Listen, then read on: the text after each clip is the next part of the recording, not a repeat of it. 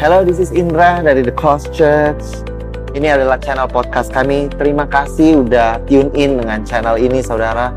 Kami berharap bahwa setiap message kami dapat membukakan lebih siapa Tuhan, saudara, dan Injil kasih karunia dan apa yang Yesus sudah lakukan di kayu salib kiranya membebaskan kehidupan saudara di dalam nama Yesus. Enjoy the message. God bless you.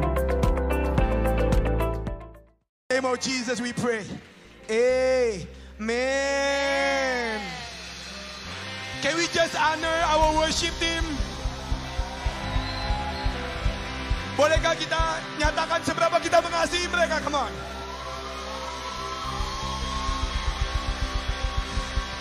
Yang lebih megah lagi buat Tuhan kita Yesus.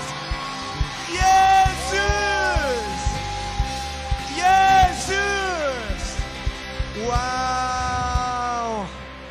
Come on now. Come on now. Come on now. Sebelum saudara duduk gereja Tuhan. Beritahu kiri kanan saudara bilang mereka, aku mengasihimu. Come on now. Wow. What a worship. What a worship. What a God we have in Jesus. Come on.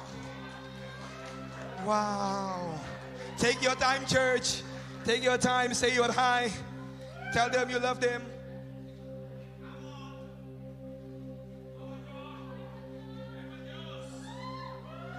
Wow.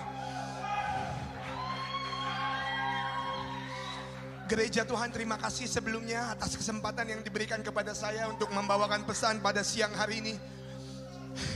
Thank you, I love you. Semoga ada uh, ketepatan hmm, mengenai berat dari kasih karunia Tuhan yang ingin menusuk tajam hati kita, yang mampu membelah putus masa-masa kegagalan kita dari hati kita, kekecewaan kita dan luka kita dan memulihkan kita seperti yang sebelumnya. Amen. Bahkan seperti yang sebelum kita pernah lihat sebelumnya. Amen. Come on, can we give a clap to Jesus?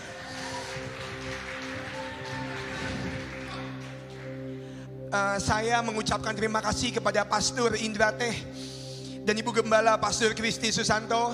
Mereka sedang merayakan 15 tahun pernikahan mereka. You are not here, but our love for you here. Cinta kita buat kalian uh, Bapak Ibu Gembala sampai ke sana. Amen. Enjoy your marriage, celebrate it. Kami bersyukur. Kalau bukan karena iman, mu, Pastor Indra, Pastor Kristi, mungkin kita nggak ada di sini. So can we as one church give honor to our pastor online? Terima kasih. Juga kepada para pemimpin yang ada di sini, Pastor Julian Chong dan Pastor Yohanes Jaya Pranata. Terima kasih. Terima kasih. Terima kasih. My wife of four months. Seumur jagung. Istri saya empat bulan terakhir ini ada di sini. Karena kamu mencintai Tuhanmu, saya bisa terus maju dan terus ikut Tuhan dan mencintai Tuhan saya. So I honor you and I thank you. I thank you and appreciate and respect you. Jangan pacarin anak orang ya. Kalau nggak tahu caranya hormatin anak orang.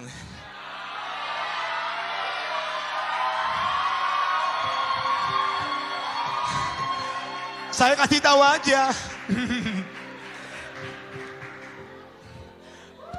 Forgive me, maafkan saya kalau saya uh, menyinggung. Tapi firman Tuhan lebih besar kuasanya daripada hati, perasaan ataupun pikiran kita, amen.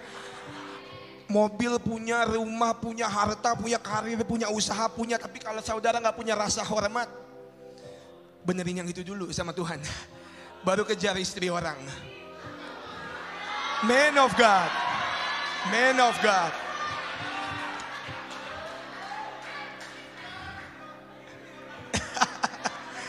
God thank you. Relax saja tadi kata event team Josh. Selesaikan sampai jam 4 sore. Kita siap mendengar suara Tuhan. I'm kidding. Kidding. I will end shortly. Amen. In the name of Jesus. Sebelum saya mulai lagi, ada satu kelompok dan individu yang saya harus uh, greet, yang harus saya sapa di sini. Ada mama saya di sini di row ketiga. Mami terima kasih. Terima kasih. Ada oma, ada tante, cici saya dan saudara-saudara saya Juan dan Jenny. Tanpa iman yang kalian taruh buat Tuhan Yesus, saya nggak mungkin lah ada di sini. Thank you mami, thank you ma, i semua, I love you, thank you. Ini kayak graduation guys, thank you, thank you, thank you. Wow, my gosh, what a great God we have. Tuhan yang begitu besar kita miliki saudara. Izinkan saya biar siang hari ini melalui beberapa menit yang kita berbagi bersama di rumah Tuhan ini membagikan pesan Tuhan. Saya mempelajari uh, firman ini beberapa minggu karena saya baru uh, sakit dan sebagainya tapi I'm glad I'm here. I am I have been learning and studying karena saya berharap Tuhan. Aduh, hidup kadang berat banget.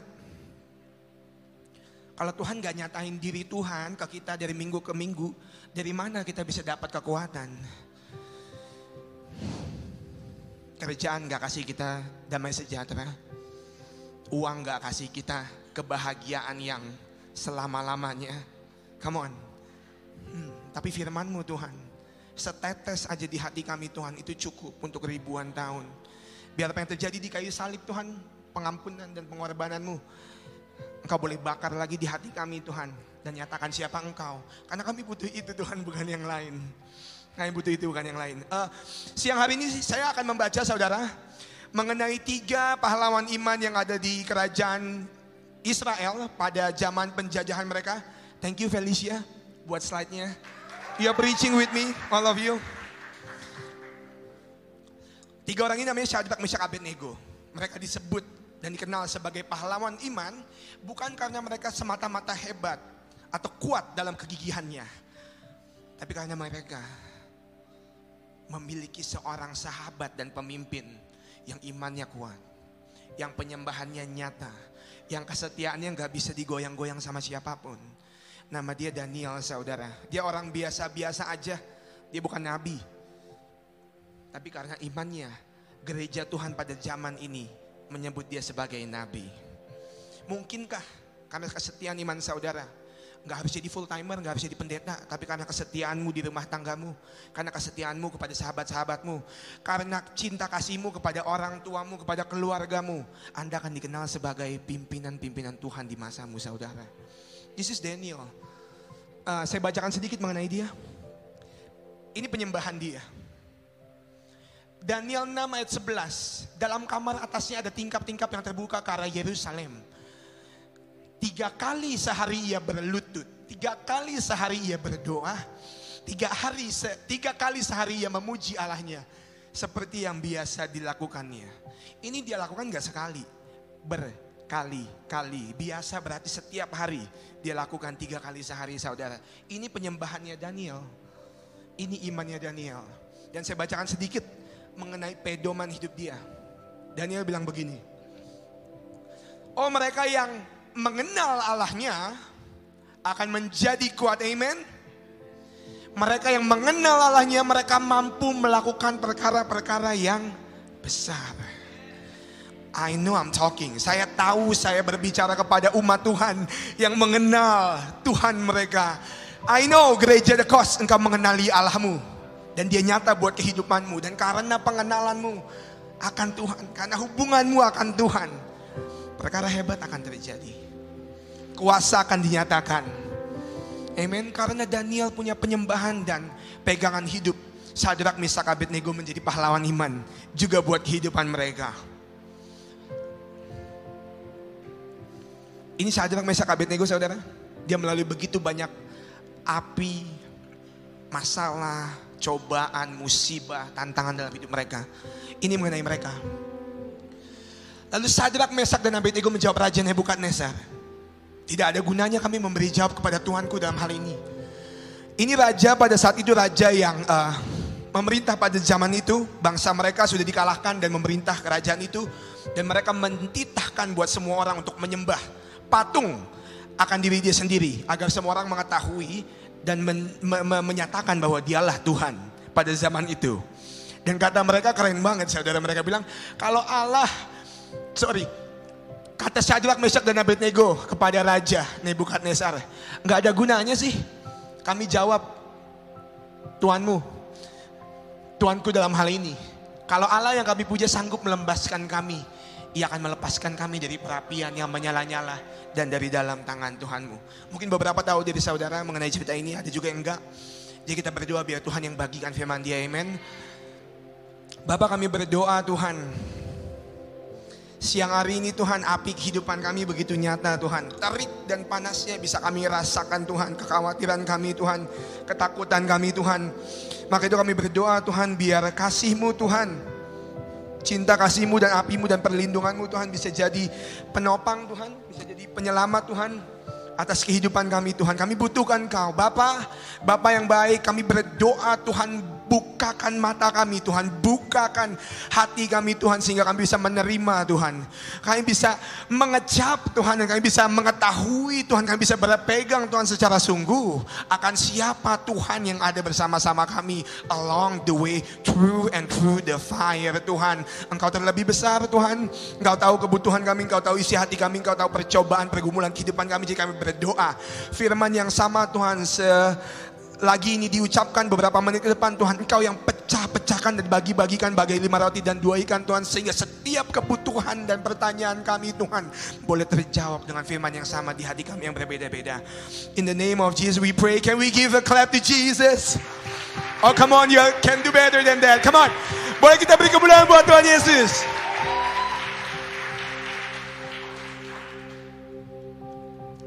Thank you Zach buat main. Need you brother, I love you. Ngomong-ngomong mengenai api, goncangan hidup, hmm, serangan hidup, sakit penyakit, hmm, dolar naik, usaha goyang, pembantu pulang. Yeay. Saya punya cerita mengenai api. Saya bilang kan saya baru menikah 4 bulan yang lalu. Dan tahun lalu kita sebelum saya nikahkan istri saya, saya beri dia cincin untuk propose dia. Mama saya mengetahui ini. Let's go, Jesus. Jadi kita putuskan, oke okay, saya sahabat beberapa dan uh, calon istri saya pada saat itu kita akan pergi untuk jalan-jalan ke luar negeri dan melakukan hal tersebut. Jadi tahun lalu pada bulan Juli kita berlima terbang ke Jepang. Jangan tunjukin dulu gambarnya terakhir. So it can be a surprise. Kita terbang ke Jepang, saudara. Dan uh, confessions, pengakuan. Saya pengen banget emang dari dulu ke Jepang. Saya pengen. Saya belum pernah, saya pengen. Karena uh, satu dari banyak hal, dari saya kecil sampai sekarang saya masih nonton Naruto, saudara. Jadi saya pengen lihat ramen yang dia makan di mana, dia syuting di mana. Ya nggak Juan? Kagebunshin no Jutsu. Just kidding. Bukan alir. Bu, come on baby. Bukan aliran sesat amen. Pikachu nggak dosa. Kita sering banget salahin Pikachu. Aduh. Kalau cinta Tuhan lebih dari cinta Pikachu, mungkin itu dosa. Pikachu nggak dari setan. Ini ciptaan manusia kok baik. Amen. Jadi saya udah Wah di pikiran saya sebelum jalan, waduh ke Jepang ya kan. Akhirnya nih gue samperin kan ibu kota, Naruto, Pikachu dan kawan-kawan ya kan. Makan makanan mereka. It was like a dream trip. Saya pergi ke kota, ke tempat yang saya mau samperin. Saya pergi bersama orang-orang yang saya cintai dan saya pergi untuk mengakhiri perjalanan ini saya akan propose, saya akan uh, minta tangan dari uh, pacar saya pada waktu itu untuk kita melangkah ke jenjang yang lebih serius untuk selama-lamanya. So it was like a dream trip. Tapi namanya hidup ya. Saya nggak nyangka banget. Cuma hal pertama yang terjadi ketika kita mendarat di Jepang, bunyi pesawat semua selesai boleh turun. Waktu kita turun dari pesawat mau mau jalan kaki nih ke bawah landasan itu, saya kagetnya nggak ampun-ampun saudara. Itu musim panas. Saya udah dikasih tahu Cuma saya nggak tahu panasnya kayak begitu. Parah.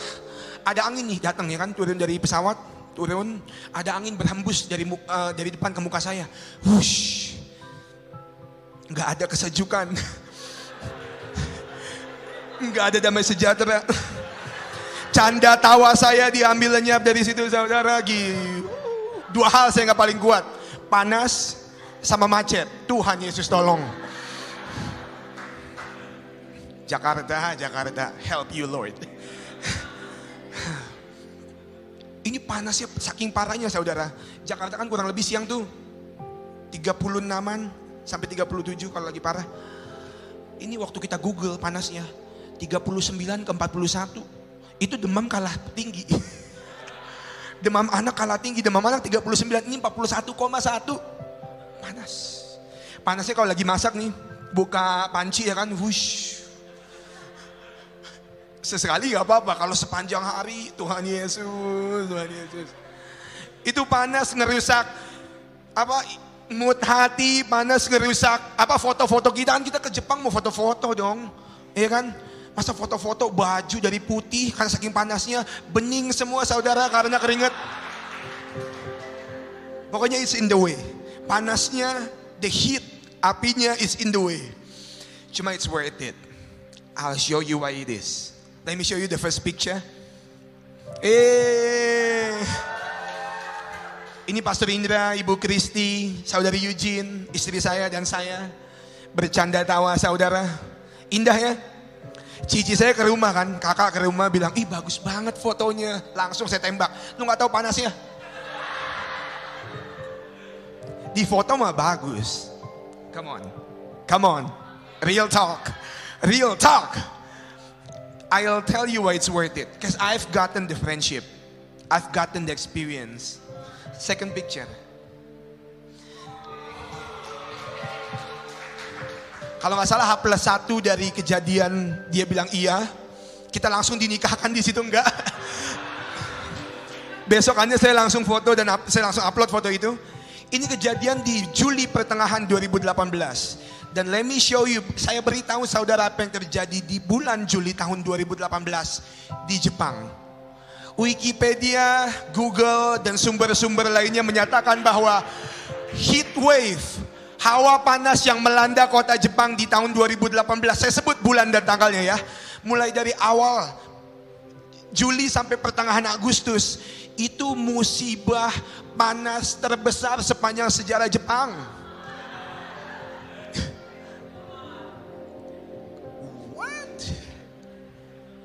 Cuma ngomongin panas ini saudara. Panas yang saya lalui, panas yang kita lalui, di sana nggak ada bandingan sama panas yang dilalui sama sahabat-sahabat iman kita Sadrak, Mesak, Abednego. Mereka lewatin api yang, oh my goodness, yang melanda begitu banyak. Kita baca api pertama ya.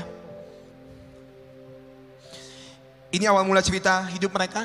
Ketika pemerintahan Raja Yoyakim, Raja Kerajaan Israel atau disebut Yehuda pada saat itu, datanglah Raja dunia, Raja jahat, Raja Nebukadnezar dari Babel ke Yerusalem dan mengepung kota itu.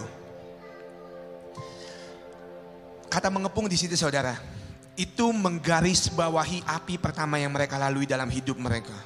Wow. Israel, Yu- Juda, itu kerajaan yang masyur. Mereka jalan seakan-akan raja dan ratu saudara sehari-harinya.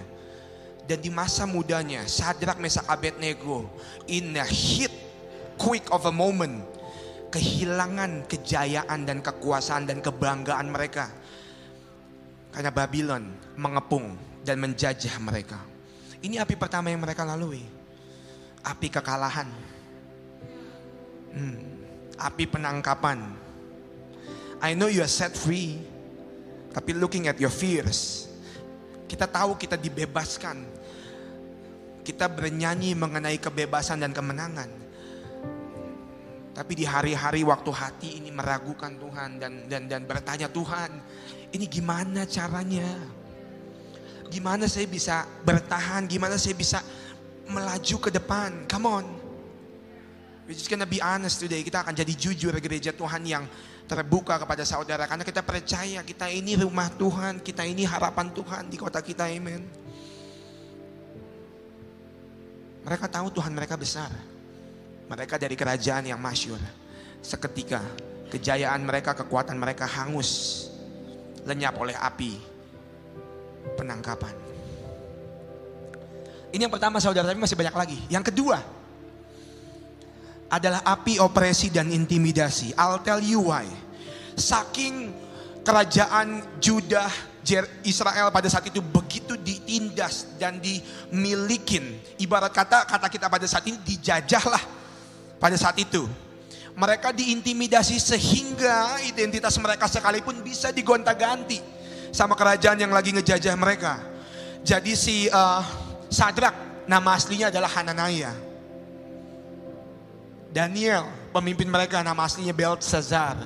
Sorry, Daniel nama aslinya Daniel dinamai Beltesazar. Misael dinamai Mesach. Azaria dinamai Abednego. Kita dalam hidup kan bisa kekelangan, ke, kehilangan banyak hal ya. Cuma kalau jati diri yang diambil, oh.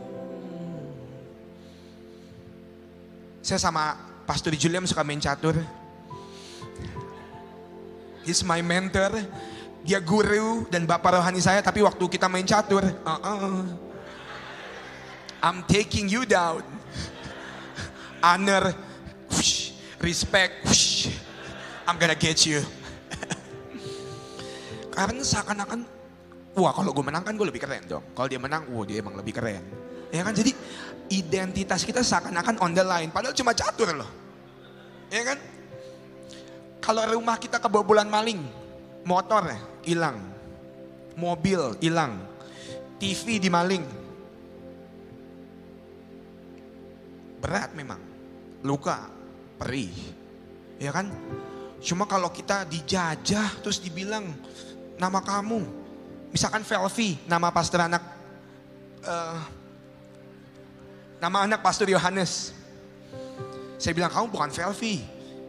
Kamu kuntet misalkan ada apa?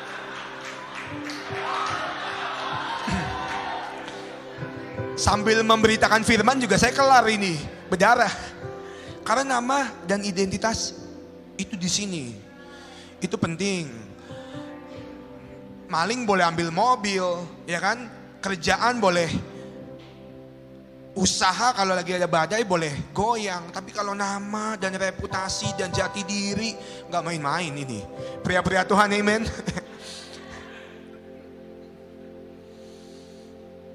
Daniel dinamai Belsazar, Hanania dinamai Sadrak, Misael dinamai Mesak, Azaria dinamai Abednego. Mereka dilabel dengan label yang baru oleh penjajah mereka pada saat itu. Mungkin ceritanya agak jauh ya, tahun-tahunan di belakang kita. Cuma mungkin saudara bisa relate. Di hari-harimu ketika uh, ketakutan datang dan mulai label dirimu. Kamu mah bukan penyembah, kamu penakut. Hmm, kamu mah bukan pemenang, pengecut I'm just gonna be honest. Saya harus jujur di sini. Kita harus beritakan firman ini secara benar dan jujur saudara. Karena terkadang waktu kita hidup meski kita tahu dan kita berharap kalau kita adalah kemenangan-kemenangan Tuhan di dunia ini. Terkadang waktu masalah datang dan waktu tantangan datang, waktu waktu api itu datang kita ganti nama tiba-tiba I am not a warrior. I am a, I am a victim. I am not a, a prayer person. I am a warrior. Saya bukan penyembah. Saya penakut. Hmm, pernah nggak sih hidup hati kekhawatiran, ketakutan saudara ingin ubah identitas saudara? Sama seperti mereka. Bahkan mungkin banyak kita yang udah ganti. Kita udah ganti tanggapan label kita akan diri kita sendiri. Iya emang saya ini pengecut. Bukan penyembah. Tapi Tuhan gak akan tinggal diam saudara. Waktu dunia, waktu api dalam hidup mencoba menyerang saudara. Tuhan gak pernah tinggal diam. Tuhan rindu dari waktu ke waktu. Meskipun kita menghadapi masalah, badai, tantangan ataupun api dunia ini. Tuhan rindu untuk selalu menyatakan kemuliaannya, kemenangannya, jati diri yang dia miliki buat saudara dan saya. Dan Tuhan kita berdoa, Tuhan tunjukkan dan nyatakan hal itu. Api yang ketiga lebih dalam lagi serangannya saudara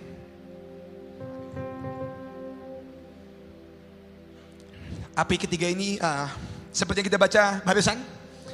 Ini kata kata Raja Nebukadnezar kepada Sadrak Mesak Abednego pahlawan-pahlawan iman kita. Sekarang jika kamu bersedia, waktu kamu mendengar bunyi sangkakala, seruling, kecapi, rebab, gambus, serdam dan berbagai-bagai jenis bunyi-bunyian sujudlah menyembah patung yang kubuat. Tetapi jika kamu tidak menyembah aku, kalau kamu tidak menyembah patungku, kalau kamu tidak tunduk akan kuasaku, siaplah engkau akan dilempar ke dalam perapian dan api ini akan menghanguskanmu sehingga tangan mana yang bisa menyelamatkan engkau, kata raja kepada Sadrak Mesak Abednego. Api yang ketiga ini berbicara tentang penyembahan saudara. What we just did just now, our worship. Tapi worship bukan cuma waktu di sini, worship ini hati kita yang tertuju kepada Tuhan dan kita arahkan terus buat Tuhan itu worship kita. Api yang ketiga ini melanda Sadrak Mesak Abednego sehingga sehingga begitu dalamnya api hidup, api dunia ini ingin ingin merenggut dari mereka penyembahan mereka. Pertama, kekuatan mereka hilang. Kejayaannya diambil. Yang kedua, identitas mereka diopresi kepada titik di mana mereka diganti namanya. Kamu bukan Hanania. Ini nama baru kamu. Hmm. Tapi apa yang ketiga ini saudara? Bagi bangsa Israel, bagi bagi Sadrak Mesak Abednego, ini api yang paling dalam. Kalian raja dunia jahat, engkau boleh ambil kejayaanku, kau boleh ambil identitasku. Tapi pujian penyembahan dan iman kami gak bisa pergi dari kami. Gak bisa. Karena kami tahu they have a friend. Remember mereka memiliki sahabat pemimpin yang namanya Daniel. Ingat? yang percaya mereka dapat melakukan perkara besar, yang percaya bahwa kaki ini, penyembahan ini, gak bisa sujud ke hal yang lain. Karena penyembahan ini cuma milik Tuhan. Cuma milik Tuhan. Mereka pegang janji ini, mereka setia saudara. Sampai mereka harus menghadapi api yang mematikan. Can I have the next one? Ini cara Babylon menyerang penyembahan mereka melalui musik Babylon dan melalui patung emas Raja Babylon. Musik berbicara mengenai suara-suara dunia ini yang suka sering kali mau merenggut hati dan penyembahan dan iman kita dari Tuhan. Can you relate? Are you hearing the sound of fear nowadays? Apakah Anda mendengar khotbah-khotbah ketakutan. Apakah Anda mendengar gosip-gosip huru hara? Apakah Anda mendengar gosip-gosip dolar naik ke apa masa depan makin susah, uang sekolah makin mahal, anak-anak makin susah dengar orang tua? Apakah Anda mendengar apakah Anda mendengar perkataan-perkataan dunia ini Saudara dan sering kali bukan hanya kita izinkan kita mendengar, kita juga tunduk karena memang hati ini kadang-kadang nggak kuat, terlalu takut, terlalu khawatir. Terlalu berbahaya saudara. Dan golden statue juga melambangkan kekuatan mereka. Money is good. Karir itu baik, uang itu sangat baik. Bukan dari iblis, uang dari Tuhan. Karir dari Tuhan. Kesuksesan kita dari Tuhan. Cuma kalau kita tukar Tuhan yang beri karir, kesuksesan, uang dan kejayaan dengan Tuhan. Hati kita kalah di situ saudara. Because money cannot help our hearts. Karir nggak bisa menolong hati kita. Kesehatan sekalipun gak bisa menolong dan menjadi damai yang sejati buat hati kita. Hanya dialah sang pemberi yang dapat menenangkan, memuaskan, uh, memiliki hati ini. Tahukah saudara waktu Anda menyembah, kita kan diciptakan oleh Tuhan ya. Tuhan bikin tanah liat, Tuhan hembuskan nafasnya. Dan kita menjadi manusia-manusia hidup. Waktu kita menyembah itu seakan-akan kita ke rumah Tuhan, kita ke tangan Tuhan, di mana pun di gereja ini ataupun di mobil, di ruang teduhmu, menyembah itu seakan saudara mengembalikan nafasmu kepada Allah yang mengembuskan nafasnya kepada dirimu. It is as if you're saying, God, Tuhan hidup saya tuh dari nafasmu. Dan nafasku yang adalah hidupku, itu juga milikmu. That's your worship. It is an exchange of love affair. There is power in your worship. Bahkan kita mengetahui kalau worship bisa menghancurkan banyak pengekangan saudara. Makanya saudara Mesa Abednego bilang kita nggak bisa tunduk. nggak ada gunanya kita jawab Raja. Maybe they were laughing. Maybe they are. Parah banget. Berani ngomong sama Raja. Nggak ada gunanya. Bapak Presiden datang gitu kan. Tolong benerin bendera. Nggak ada gunanya Pak dibenerin. Selesai. Selesai. In end game now itu udah. Api api ini mau renggut dari mereka worship mereka.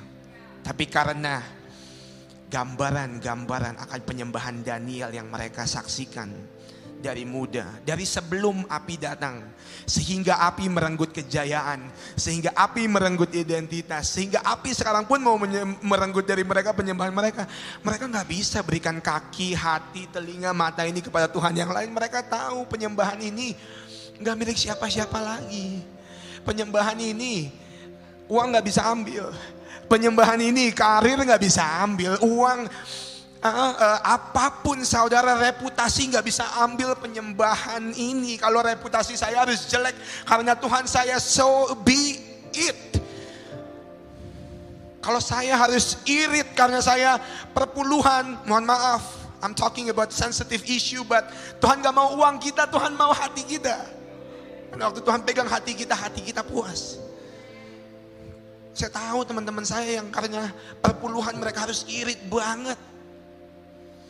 Jangan kira Tuhan gak tahu hati kalian. Jangan kira Tuhan gak pandang penyembahan kalian. Ngapain nyembah? Orang tua aja gak percaya sama Tuhan. Ngapain nyembah? Ngapain? Karena glimpses, karena cuplikan-cuplikan penyembahan Daniel, Sadrak, Mesak, Abednego setia. Ketundukannya, lututnya yang berteluk, hati dan pandangan dan penyembahan mereka hanya milik Tuhan. Hanya milik Tuhan. Can I go on?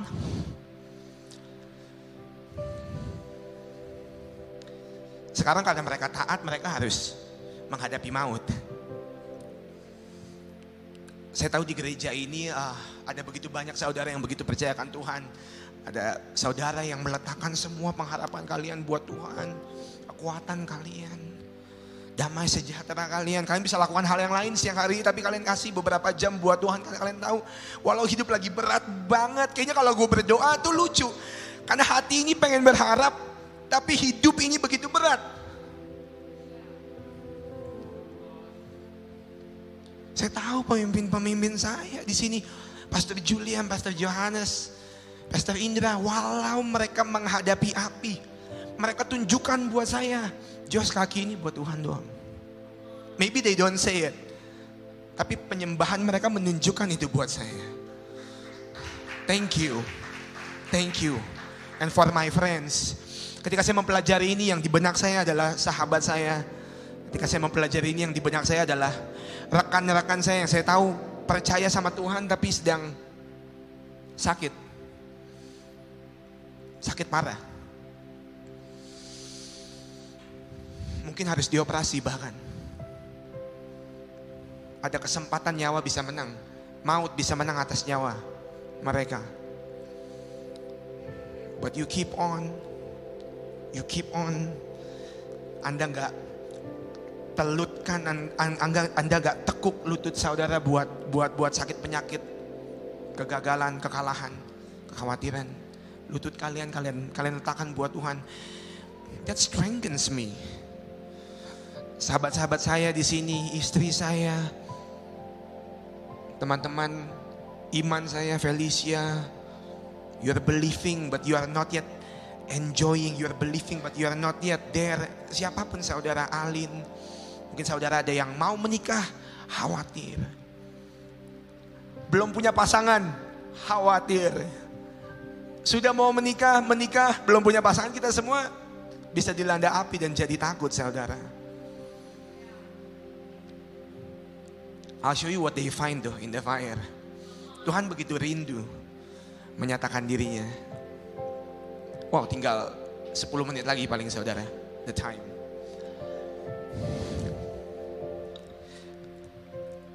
Mereka dilempar ke dalam api saudara. Atas titah Raja Nebukadnezar. Lalu terkejutlah Raja Nebukadnezar lalu bangun dengan segera. Ia berkata, kepada para menteri-menterinya, bukannya tiga orang yang kita campakkan dengan terikat ke dalam api itu. Jawab orang-orang raja kepadanya, ya benar raja katanya. Raja Nebukadnezar. Ini yang dunia ini lagi lihat dari hidup saudara. Mungkin kita lihatnya api, mungkin kita rasanya panas, tapi ini yang dunia lagi saksikan dari saudara. Katanya aku melihat empat orang berjalan-jalan dengan bebas di tengah-tengah api itu. Mereka tidak terluka dan yang keempat itu rupanya seperti anak dewa. Mereka diikat dan dilempar ke dalam api. Api ini bisa membakar hidup mereka tapi bukan cuma api biasa. Raja Nebukadnezar bilang bakar tujuh kali lebih panas daripada biasanya. Dan mereka dilempar ke situ. Kaki mereka dilempar ke situ. Lutut mereka dilempar ke situ. Terikat saudara. You know what God did? Tuhan selalu rindu untuk menyatakan dirinya dari masa ke masa kepada kita karena dia begitu mengasihi kita. Karena dia begitu mengasihi kita. Begitu mengasihi kita. Uh. Masuk bertiga, masuk terikat. Jatuh. Yang terjadi di api. Ketika mereka jatuh ke api. Mereka di api berempat mereka nggak di api terikat. Mereka di api berjalan-jalan. Uh. My God. My God. Tuhan beri kami kekuatan Tuhan bahkan di tengah api kami Tuhan biar kami boleh berjalan di tengah api kami Tuhan. Kami berdoa Tuhan. Hmm. Mereka masuk ke api terjatuh. Di dalam api berdiri dan berjalan-jalan seperti orang bebas. yang terjadi di api ini saudara adalah yang gereja Tuhan sebut dengan Christophany, yaitu Allah secara spesifik melalui Tuhan Yesus menampakkan dirinya kepada umatnya, kepada dunia sebelum masanya. Karena dia begitu rindu untuk bertatap muka dengan saudara to tell you in the fire, you think you are alone. Mm -mm. You think you are here alone? Nah, you are my sons, you are my daughters, you are my people, you are my nation. If fire wants to burn up, I am letting you know I also burn up. I can also burn up. Mereka pikir dunia ini punya api yang bisa menyala-nyala. I'll show them nyala-nyala. Elia panggil api turun. Musa lihat api turun. Pahlawan kita dengar tentang ini kok. Mereka nggak takut karena mereka dengar Tuhan panggil api. Mungkin sambil mereka are about to be thrown into the fire ya. Wow. Wow. Saya nggak tahu masalah saudara, saya nggak tahu api saudara, tapi tapi saudara menghadapi api, Bayangkan saudara, mereka bertiga di hadapan penguasa, di hadapan dunia. Mereka dibilang, kita lempar kalian ke dalam api. Mungkin they were fearful, maybe they were I don't know, maybe they were crying or maybe they were happy because kalau mati sekalipun mending mati buat Tuhan. Tuhan bahkan di kematian pun kita menang karena Yesus telah kebenaran dan kehidupan. Barang siapa masuk melalui aku dia akan hidup selama-lamanya. What I imagine is, yang saya pandang, yang saya temukan waktu saya baca ini adalah sahabat-sahabat saya, keluarga saya. Arnaldi, Christopher, Margresia, Karim sambil kalian mempersiapkan pernikahan kalian dan mungkin kalian menghadapi beberapa api. It's like we are together, standing here, kita bersama-sama berdiri menghadapi api kita yang mungkin bisa menghancurkan kita sekalipun, tapi hati ini cuma bertekuk lutut sama satu nama yaitu Yesus, satu nama yaitu Tuhan. Yang saya lihat Kristof. You are a man of God. Hmm. Kamu menyembah Tuhan dari begitu muda. And you need to understand the kind of power that you carry. Kamu perlu ketahui kalau uh, Tuhan yang pilih kamu, itu nggak taruh diri itu di sini. Dan bahkan waktu beberapa bulan lagi kamu sekolah, api yang sama yang panggil engkau akan akan pegang engkau, akan tunjukkan engkau dimensi yang lain. You are a leader. We love you. Saya nggak mungkin begitu banyak ribuan perasaan yang mereka alami, tapi mereka kayak ya udah nih kalau api. For you God, for you, I would walk through the fire. Mungkin berapa kalian sakit? Mungkin berapa kalian lemah? Mungkin berapa kalian udah begitu sakit? Tuhan kita maju selangkah lagi aja buat ngehadapin hari Senin. Belum tentu kuat Tuhan. Kalau Tuhan gak kuatin kita. Tuhan kita butuh engkau. Kami doa kita Tuhan ialah mata kami bisa engkau buka kepada orang keempat yang ada dalam api setiap kami. Kepada Tuhan kami itu engkau sendiri Yesus. Tuhan celikan mata kami Tuhan. Karena kalau gak ada pengharapan yang daripadamu saja Tuhan. Hati ini lemah Tuhan dan akan menyerah Tuhan. Tapi karenamu Tuhan kami kuat. Yeremia bilang firmanmu Tuhan menyala-nyala dalam hatiku Tuhan membakar Tuhan dalam tulang-tulangku. Karena bahkan waktu hidup lagi berat banget, saya yakin saudara-saudara tahu. Waktu saudara udah mau nyerah, udah deh mau nyerah aja deh. Saya tahu hati saudara nggak mungkin nyerah. Hati nurani saudara pasti tetap mengakui. Ya cuma Tuhan Yesus aja yang milikin hati ini. Cuma Tuhan Yesus aja. Api boleh ambil kekuatan saya, api boleh ambil jabatan saya, harga diri saya, reputasi saya. Api boleh hancurkan dunia saya. Boleh ganti identitas saya.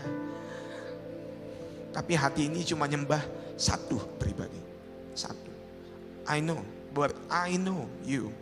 I you guys have lived with me and I know you. I know your hearts. Hatimu telah menyatakan itu terus dan terus. Nebukadnezar bilang, orang keempat ini rupanya kayak bahasa Inggrisnya bilang son of gods. Seperti anak dewa-dewa. Karena uh, Nebukadnezar raja yang gak mengetahui Allah, dia percaya sama dewa-dewa kecil, dewa-dewa palsu. Rupa orang keempat ini, rupa pribadi keempat ini kayak anak dari Allah sendiri. Mungkinkah saudara di tengah-tengah api kita yang paling mengancam, yang paling menakutkan, yang paling menegangkan.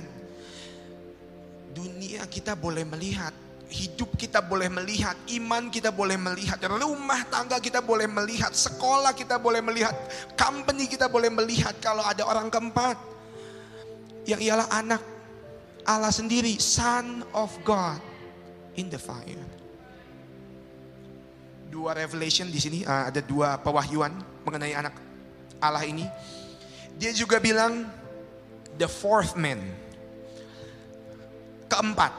Angka empat dalam bahasa Ibrani memiliki dua memiliki beberapa kat, memiliki beberapa arti kata tapi secara numerical secara number secara angka dalet bahasa Ibrani dari angka empat ini memang mengartikan empat secara angka tapi secara objek, kata dalet ini mengartikan pintu. Oh, I need this word. Hold me, God. Secara bilangan empat, secara objek pintu. Saya boleh minta Yohanes? Yohanes tahu siapa Yesus. Sebelum Yohanes tahu, Sadrak Mesak Abednego tahu juga siapa Yesus. Kata Yesus sendiri, Akulah pintu. Barang siapa masuk ke dalamku, dia akan diselamatkan, dia akan masuk dan dia akan keluar dan menemukan pasture. Pasture here melambangkan rumput yang hijau dan juga melambangkan lebih dari itu kemakmuran kesehatan, hidup yang yang yang yang lepas dari kekhawatiran, semua cita-cita dan doa kita, kemenangan kita dan kemuliaan Tuhan itulah pastor. So they thought, Sadrak, Mesak, Abednego, mereka bertiga mereka kira, oh gue bakal dilempar ke dalam api, kita bakal dibuang ke dalam api, mereka kira mereka akan menghadapi maut. Mereka kira waktu mereka masuk dilamparkan ke dalam pintu api yang menyala-nyala itu mereka akan masuk ke dalam api yang mematikan mereka. But little did they know tanpa mereka ketahui saudara ketika mereka masuk mereka nggak masuk ke dalam pintu api mereka masuk ke dalam pintu yang ialah Allah mereka sendiri Yesus mewujudkan dirinya. Mereka nggak masuk ke dalam api cobaan yang lebih besar. Ya mereka masuk tapi lebih daripada itu dia beings jiwa mereka, diri mereka, hidup mereka saudara. Mungkin secara fisik, secara alamiah kita merasakan api, tapi secara keseluruhan diri kita ini masuk ke dalam Yesus. I am the door, Jesus said. Akulah pintu barang siapa masuk akan keluar menemukan hidup yang berkemenangan saudara. Nama mereka Sadrak, Mesak, Abednego. Tapi di tengah api, mereka mereka temukan kembali identitas saudara. Nama asli mereka adalah Sadrak itu Hananaya, Mesak itu Misael, dan Abednego itu Azariah. Hanania berarti kasih karunia Tuhan. Misael berarti kemuliaan Allah. Dan Azaria berarti pertolongan Allah. Ini cerita mereka, mereka temukan secara pribadi dengan Allah mereka sendiri. Ya, engkau boleh ambil kekuatanku. Ya, engkau boleh ambil kejayaanku. Ya, engkau boleh ambil sukacitaku. Tapi kasih karunia Allah akan menopangku. Ya, engkau boleh ambil identitasku. Ya, engkau boleh coba ambil worshipku. But my God and the wonders that He has dan kemuliaan, kemegahan, keagungan Allahku menjaga hati dan penyembahanku terkunci kepada satu pribadi Yesus. Yesus. Yesus. Yesus. Yesus. Kemuliaanmu mengunci hati kami Tuhan. Bahkan ketika kaki ini lemah Tuhan, tangan ini Tuhan mau menyerah. Yesus, keagunganmu menjaga kami. Keagunganmu menjaga kami. Keagunganmu menjaga kami. And he says that God deliver. Tapi saya mau tunjukkan bagaimana mereka diselamatkan dengan Tuhan, oleh Tuhan. Mereka masuk api karena mereka merasa, ya udah, kalau memang buat Tuhan, let's go. Your your worship is a worship. Peperanganmu akan dikalahkan oleh penyembahanmu, Josh. It will fight battles. It will break chains. Amen. Come on. Kita makanya minggu ke minggu nyanyi di sini, dengar khotbah di sini, karena dunia gelap. Ini harapan kita di sini waktu kita kembalikan nafas kita kepada Yesus. Nah, dialah yang empunya. This is how they worship. Tiga kali sehari Daniel berlutut. Tiga kali sehari Daniel berlutut. Jadi kata Misael, kata Hananaya, kata Azariah, semua boleh diambil. Cuma lutut ini, kaki ini, tangan ini, mulut ini, pikiran ini, perasaan ini, keyakinan ini, engkau nggak bisa ambil. Yeah. Ini milik Tuhan. Ini milik Tuhan. Ini milik Tuhan. Mereka punya uh, seorang mentor dan sahabat yang menunjukkan cara mereka menyembah Tuhan. Mungkin saya agak lama sedikit ya. Sorry. Tapi di sini saya punya uh, ada satu pribadi yang saya mau ceritakan. Saya nggak tahu api saudara, tapi api ini melanda hidup saya dan keluarga saya bahkan uh, sekitar kurang lebih 10 tahun yang lalu. Secara begitu cepat dan tiba-tiba dalam kurun waktu 2 sampai 3 hari. Papa yang kita miliki tiba-tiba dipanggil oleh Tuhan. Sakit penyakit datang. Cuma dua hari. Jumat ditelepon sakit, mama terbang subuh.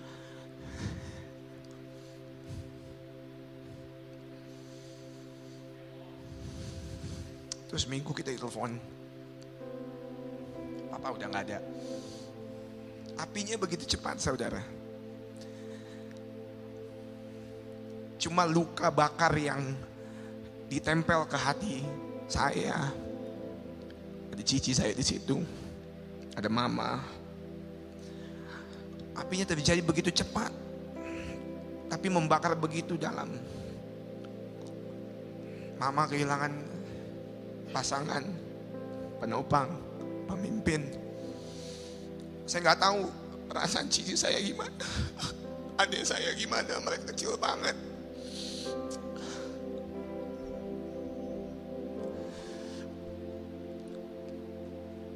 Adik saya bahkan gak teenager yet. I was 13, 14, 15. Begitu cepat saudara, api yang begitu menghanguskan, menyerang kehidupan kami. Karena itu, saya nggak cerita siapa-siapa, mama mungkin nggak tahu, tapi mama bisa saksikan.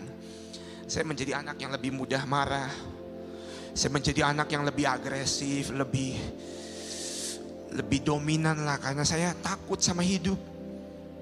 Papa saya kan he is he was my tower, he was my man, he was my father, he was my dad, he was my leader.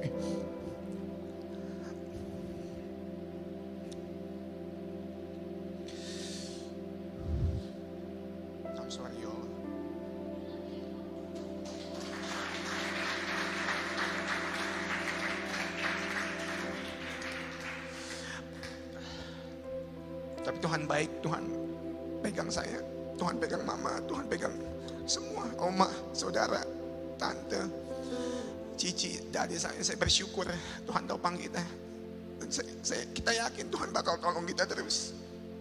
Dari kemenangan ke kemenangan. Mungkin seakan-akan eh, hidup kita boleh diserang sama penyakit kehilangan kita. Tapi sampai sekarang dunia nggak bisa ambil penyembahan kita. Saya waktu kecil, eh, waktu balita, kita tinggal di satu ruko, mama papa jual beli mobil. Kita tinggal di satu kamar dulu. Kita berlima tinggal tidur di satu kamar. Kadang sering kali saya waktu sebelum ke sekolah, waktu saya kecil, saya bisa bangun terlalu pagi. Karena eh, mungkin kebelet atau apa, tapi saya suka bangun terlalu pagi dan setiap kali saya bangun terlalu pagi, dari saya kecil saya it burn in me glimpses, visions of the glory of God. Tercurah di hati saya melalui apa yang saya saksikan. Kekuatan Tuhan. Papa saya bukan orang yang paling hebat, bukan orang yang paling pintar, bukan orang yang paling kuat, tapi dia papa kita. Tapi setiap pagi kalau saya bangun terlalu pagi, tanpa gagal saya bisa lihat. Saya bisa lihat tower saya, my father, my dad, my help, my leader.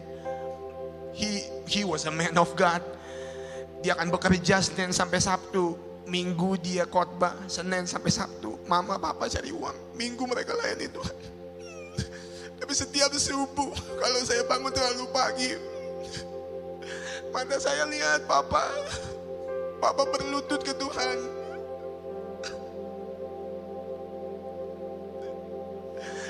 Dia berlutut sampai sampai kepala ini sentuh sentuh lantai, saudara sentuh kasur, di mana pun dia berlutut dia berdoa.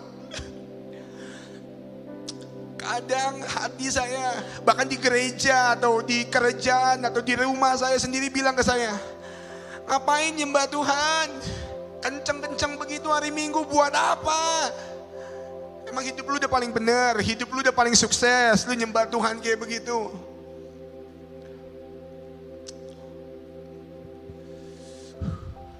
Kekhawatiran saya saudara, di tahun pertama saya menikah. My gosh, kata Pastor Indra, jangan bikin ini manis, bikin ini jujur. Jujur saya khawatir. Emang dari kecil saya nggak punya contoh suami yang baik. Sampai remaja aja udah. Saya nggak nggak kayak yang lain punya contoh bapak yang baik. Kalau beberapa tahun lagi kita punya anak, ini kata iblis, kata setan, kata hati saya ke, ke diri saya sendiri. Mau jadi bapak kayak apa lu? Gimana cara mimpin keluarga? I don't know your fire. This is mine.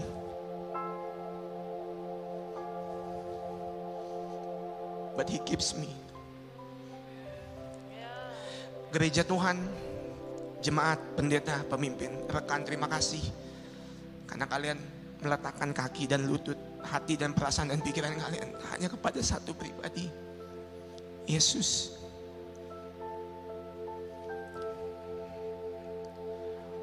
Saya harus nyembah kayak orang gila. Saya harus nyanyi kencang banget. Saya harus mimpi begitu tinggi. Karena kalau papa saya nggak lakuin itu, masa sih saya di sini? Setiap kali saya bilang ke diri saya sendiri waktu lagi nyembah, all out, we have to do this. This is some family business. Ini tentang keluarga kita di The Coast, ini tentang keluarga kita di kerajaan sorga.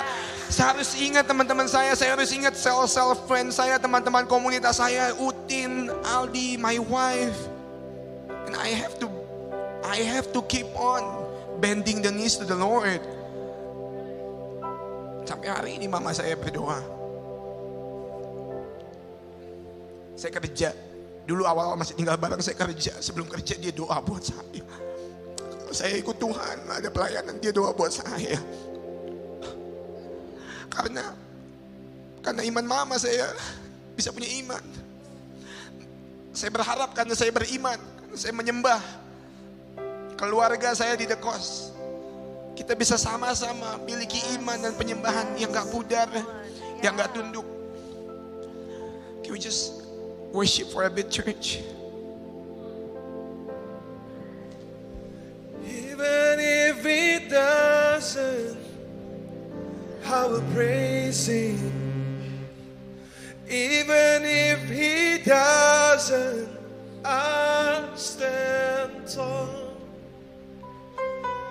Even if He doesn't, I will praise Him.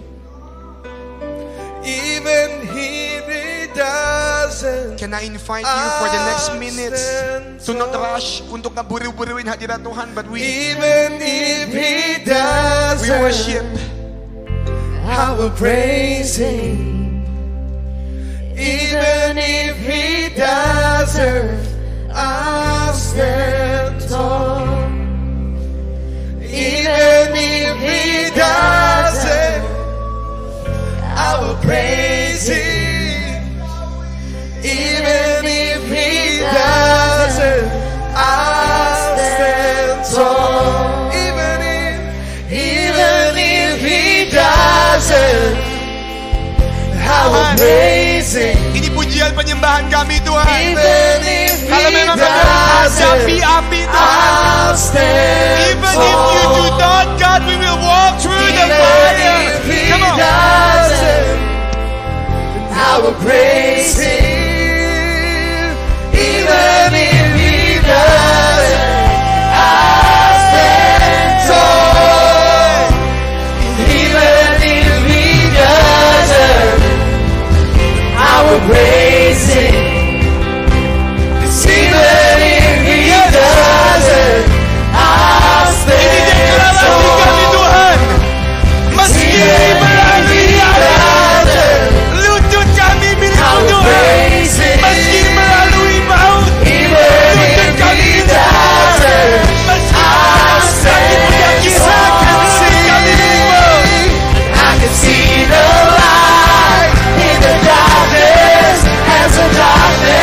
out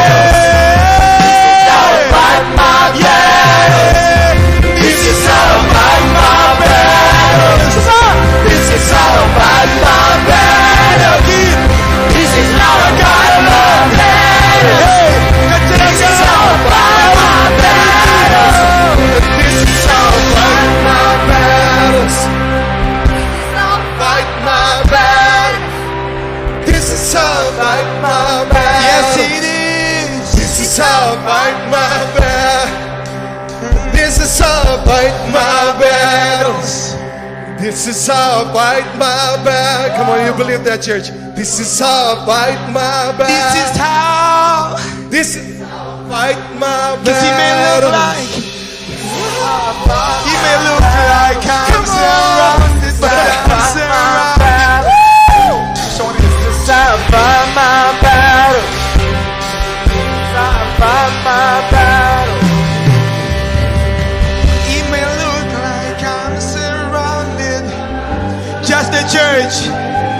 Sorry, cause. He may look like I'm surrounded. Surrounded Can we just you. come on, just you, church? He may look like I'm surrounded. I'm surrounded. Come on, come on, come on. He may look like. It may look like I'm surrounded, like I'm surrounded. One by last time,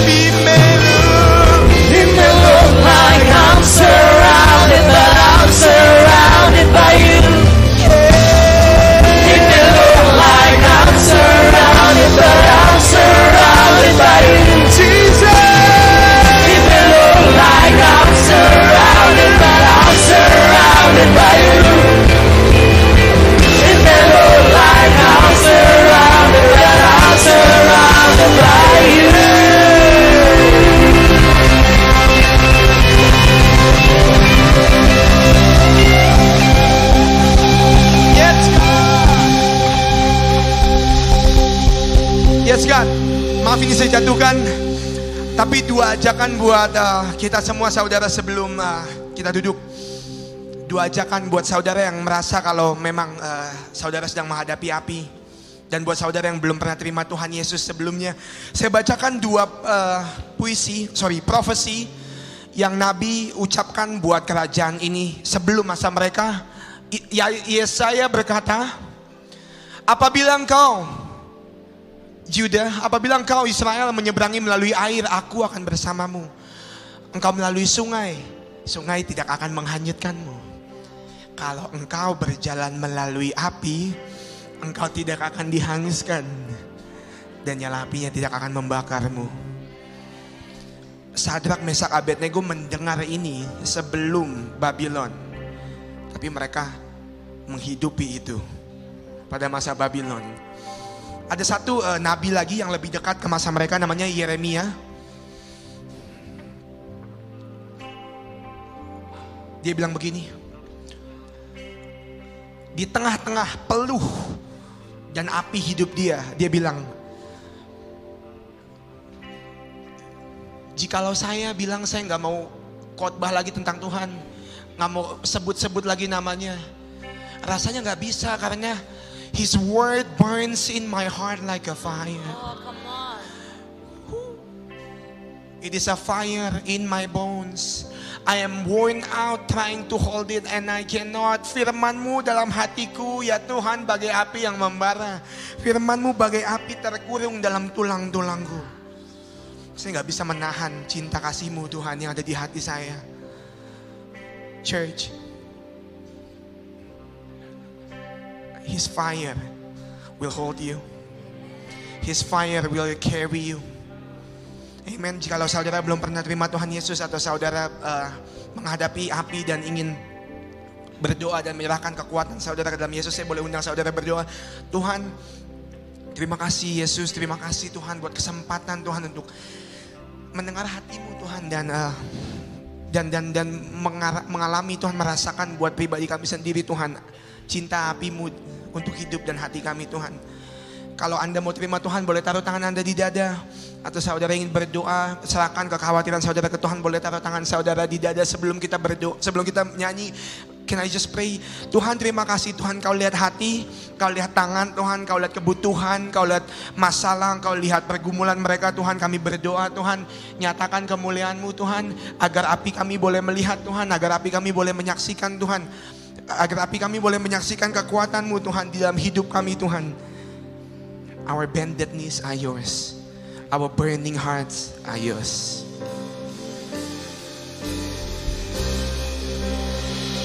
I can see the light in the darkness as the darkness bows to him.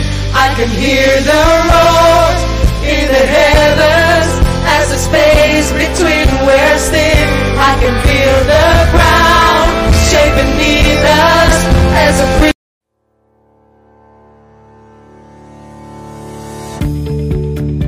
Terima kasih lagi sudah mendengarkan episode ini saudara dari podcast ini. Thank you so much saudara. Saya berharap bahwa Injil kasih karunia dan apa yang Yesus sudah lakukan bisa membebaskan kehidupanmu saudara. Kalau saudara diberkati, saya mengundang saudara untuk share saudara um, sermon ini baik secara pribadi kepada your friends and your family saudara. Atau you can screenshot dan kau bisa bagikan kepada sosial media saudara. Dan jadilah terang saudara. I hope um, message ini melalui saudara bisa memberkati lebih banyak orang lagi. Dan kalau saudara diberkati saya mengundang saudara untuk subscribe kepada channel podcast ini. Again I want to thank you berterima kasih kalau saudara mendengarkan dan meng- mengizinkan dirimu diberkati dari apa yang kami lakukan. Terima kasih Tuhan berkati.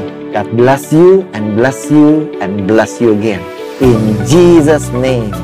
Amen.